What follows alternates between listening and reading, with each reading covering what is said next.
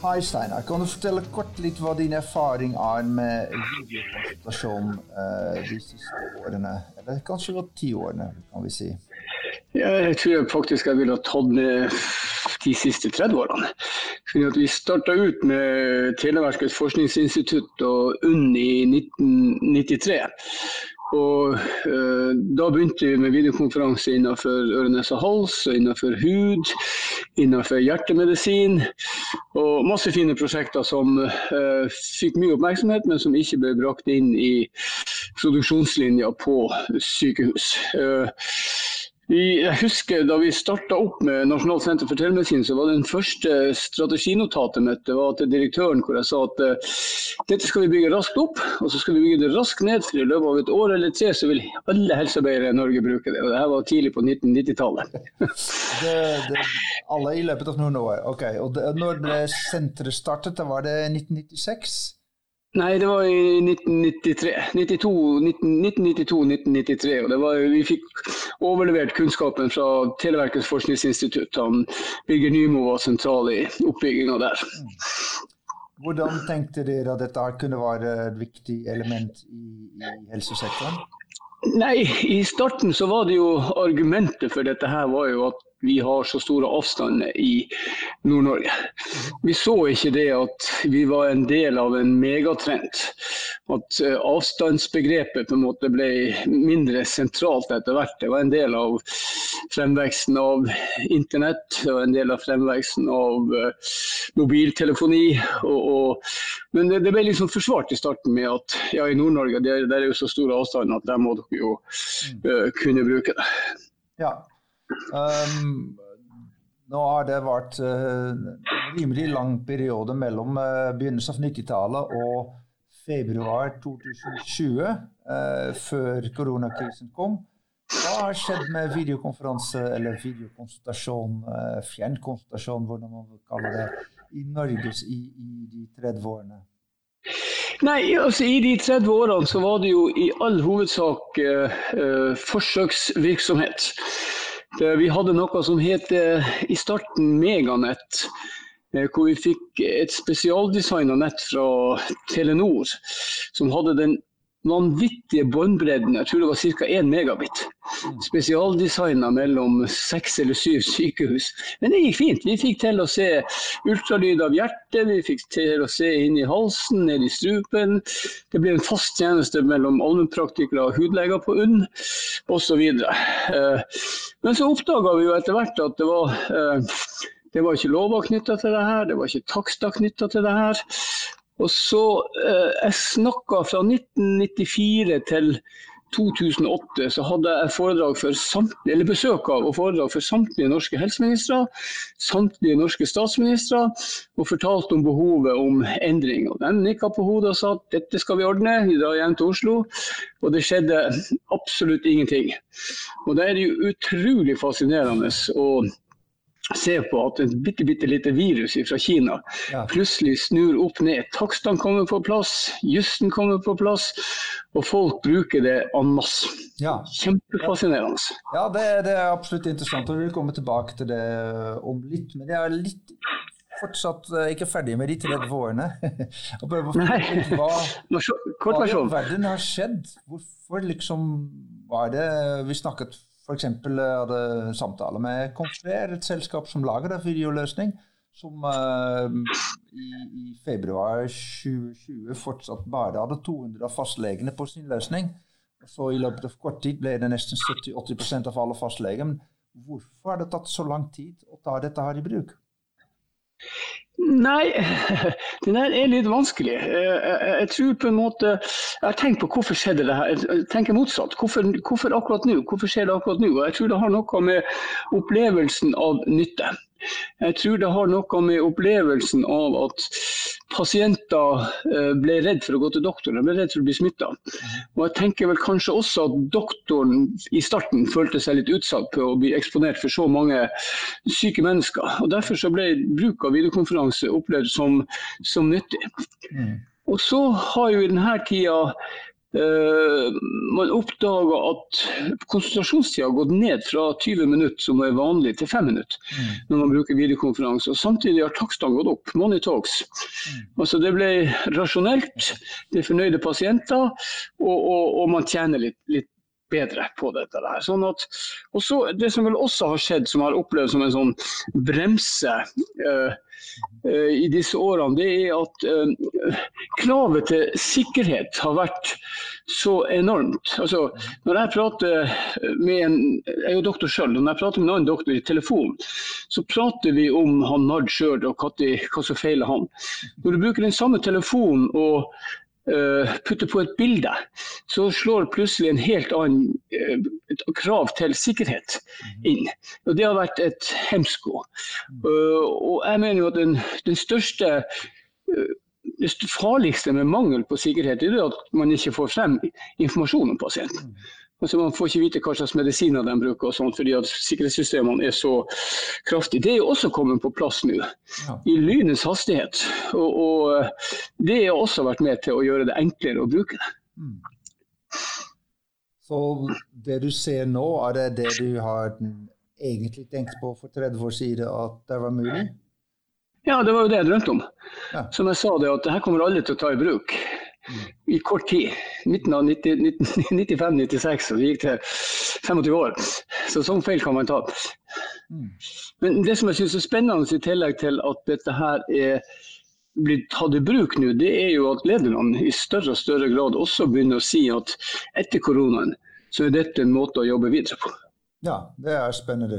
Det er jo vårt um, Det spørs, spørs hva vi kan gjøre med den erfaringen. ikke sant? Eh, det viser jo at mange leger på en måte vegrer seg å ta det i bruk, for det er ikke noe evidence eller ikke noe forskning som viser at det er eh, resultatene godt nok. Og nå har vi da eh, veldig mye erfaring, veldig mye brukserfaring som vi på kort tid kan legge til grunn og, og videreutvikle dette. Ja, men jeg, men jeg, mener jo at du tar feil når du henviser til doktorene som sier at det ikke er evidens. Her er ikke noen ny behandlingsmetode, det er en ny kommunikasjonsmetode. Mhm. Altså, det er en ny måte å, å, kommunisere på. og Dermed så er det ikke noe, uh, det, er ikke noe det, er, det er ikke noe man trenger å bevise. Altså, jeg vet jo om jeg snakker godt med deg i telefonen, eller jeg vet jo om jeg snakker godt med deg i videokonferansen, men jeg vet jo også om jeg snakker godt med deg når vi møtes ansikt til ansikt. Så det er ikke noe man trenger å bevise. Nei, nei, Det er noen leger som mener at det er, er veldig mye bedre å ha folk i, i, i rommet sitt, og stiller seg ja. litt tvilende overfor om videokonferanser kan gi de samme resultatene. Men da er det primære spørsmålet det er ikke hva doktoren syns, men det er hva er viktigst for pasienten. Mm.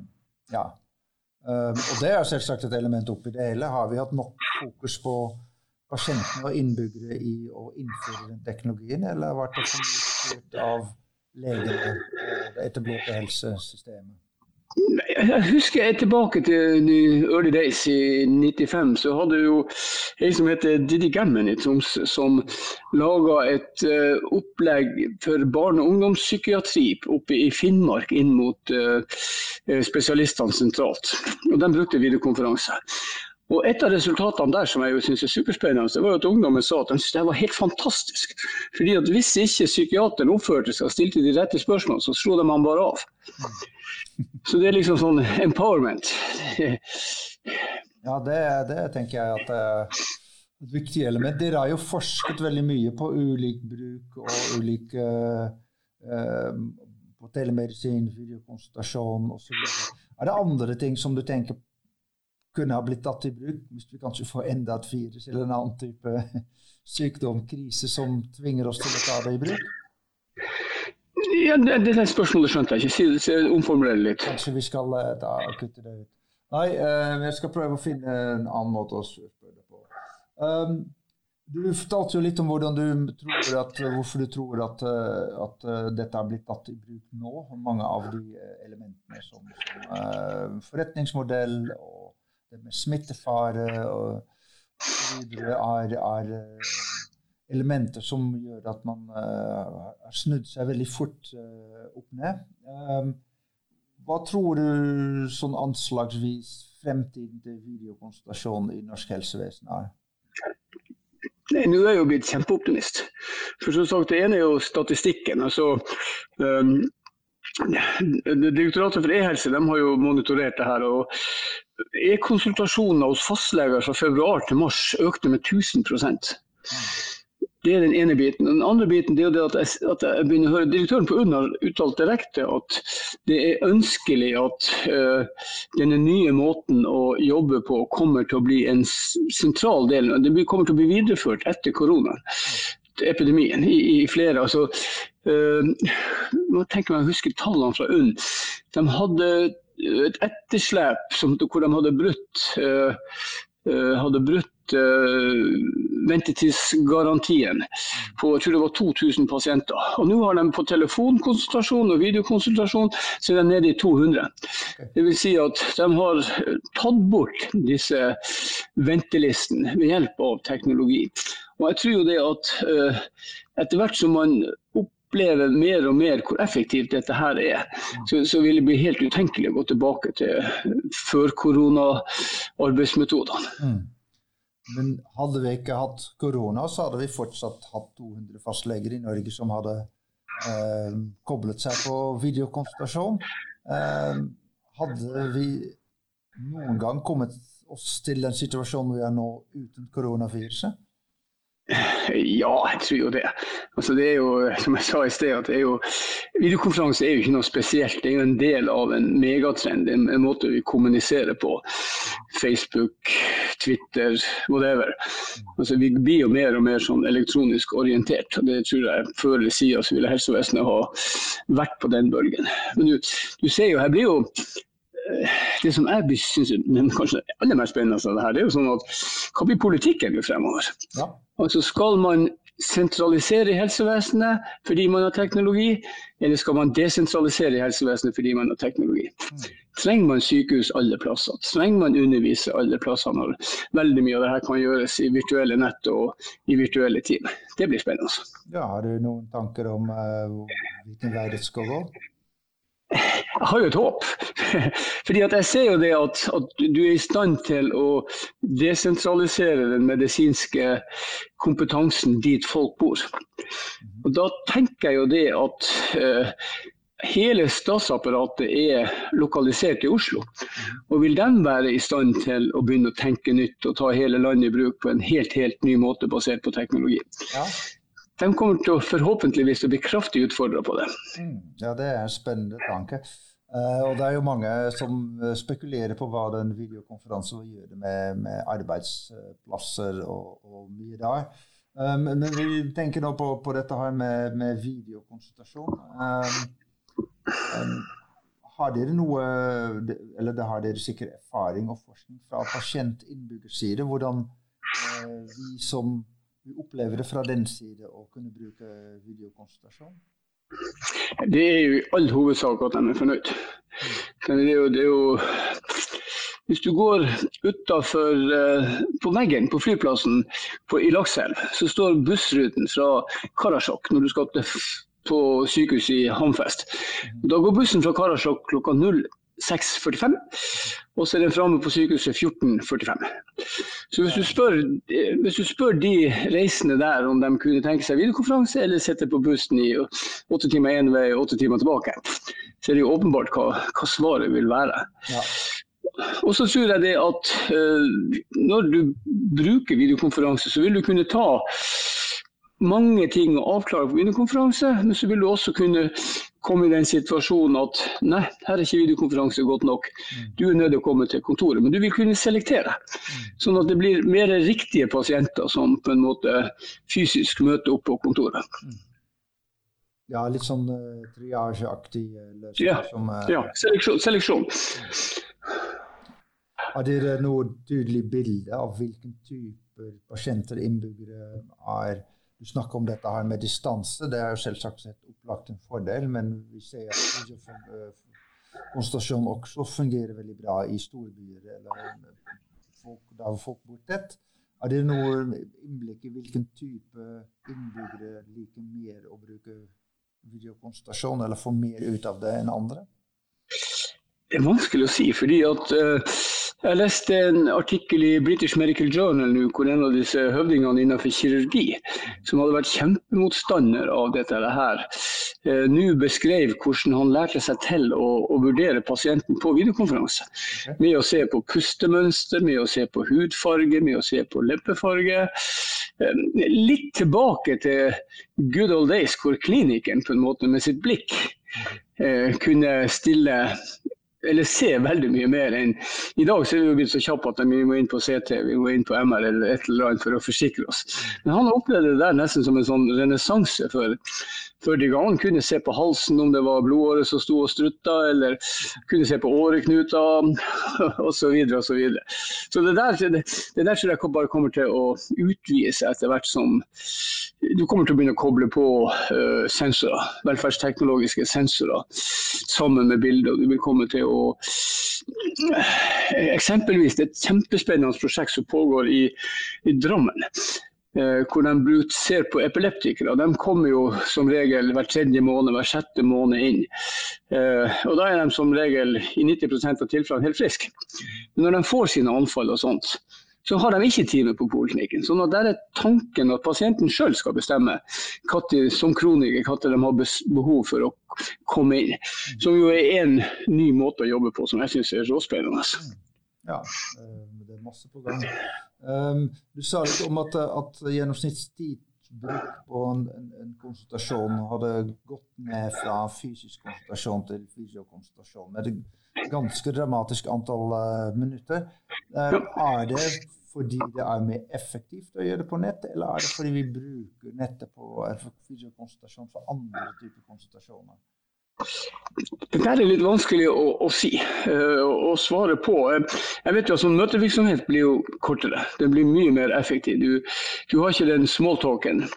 Du har ikke disse, disse andre tingene. og Det, det, det kan jo være litt uh, av det også. Du, du, du, konsentrerer deg om det som er saken her. Du konsentrerer deg om utslettet, du konsentrerer deg om hosten, du konsentrerer deg om feberen. altså går veldig sånn to the point, rett på sak.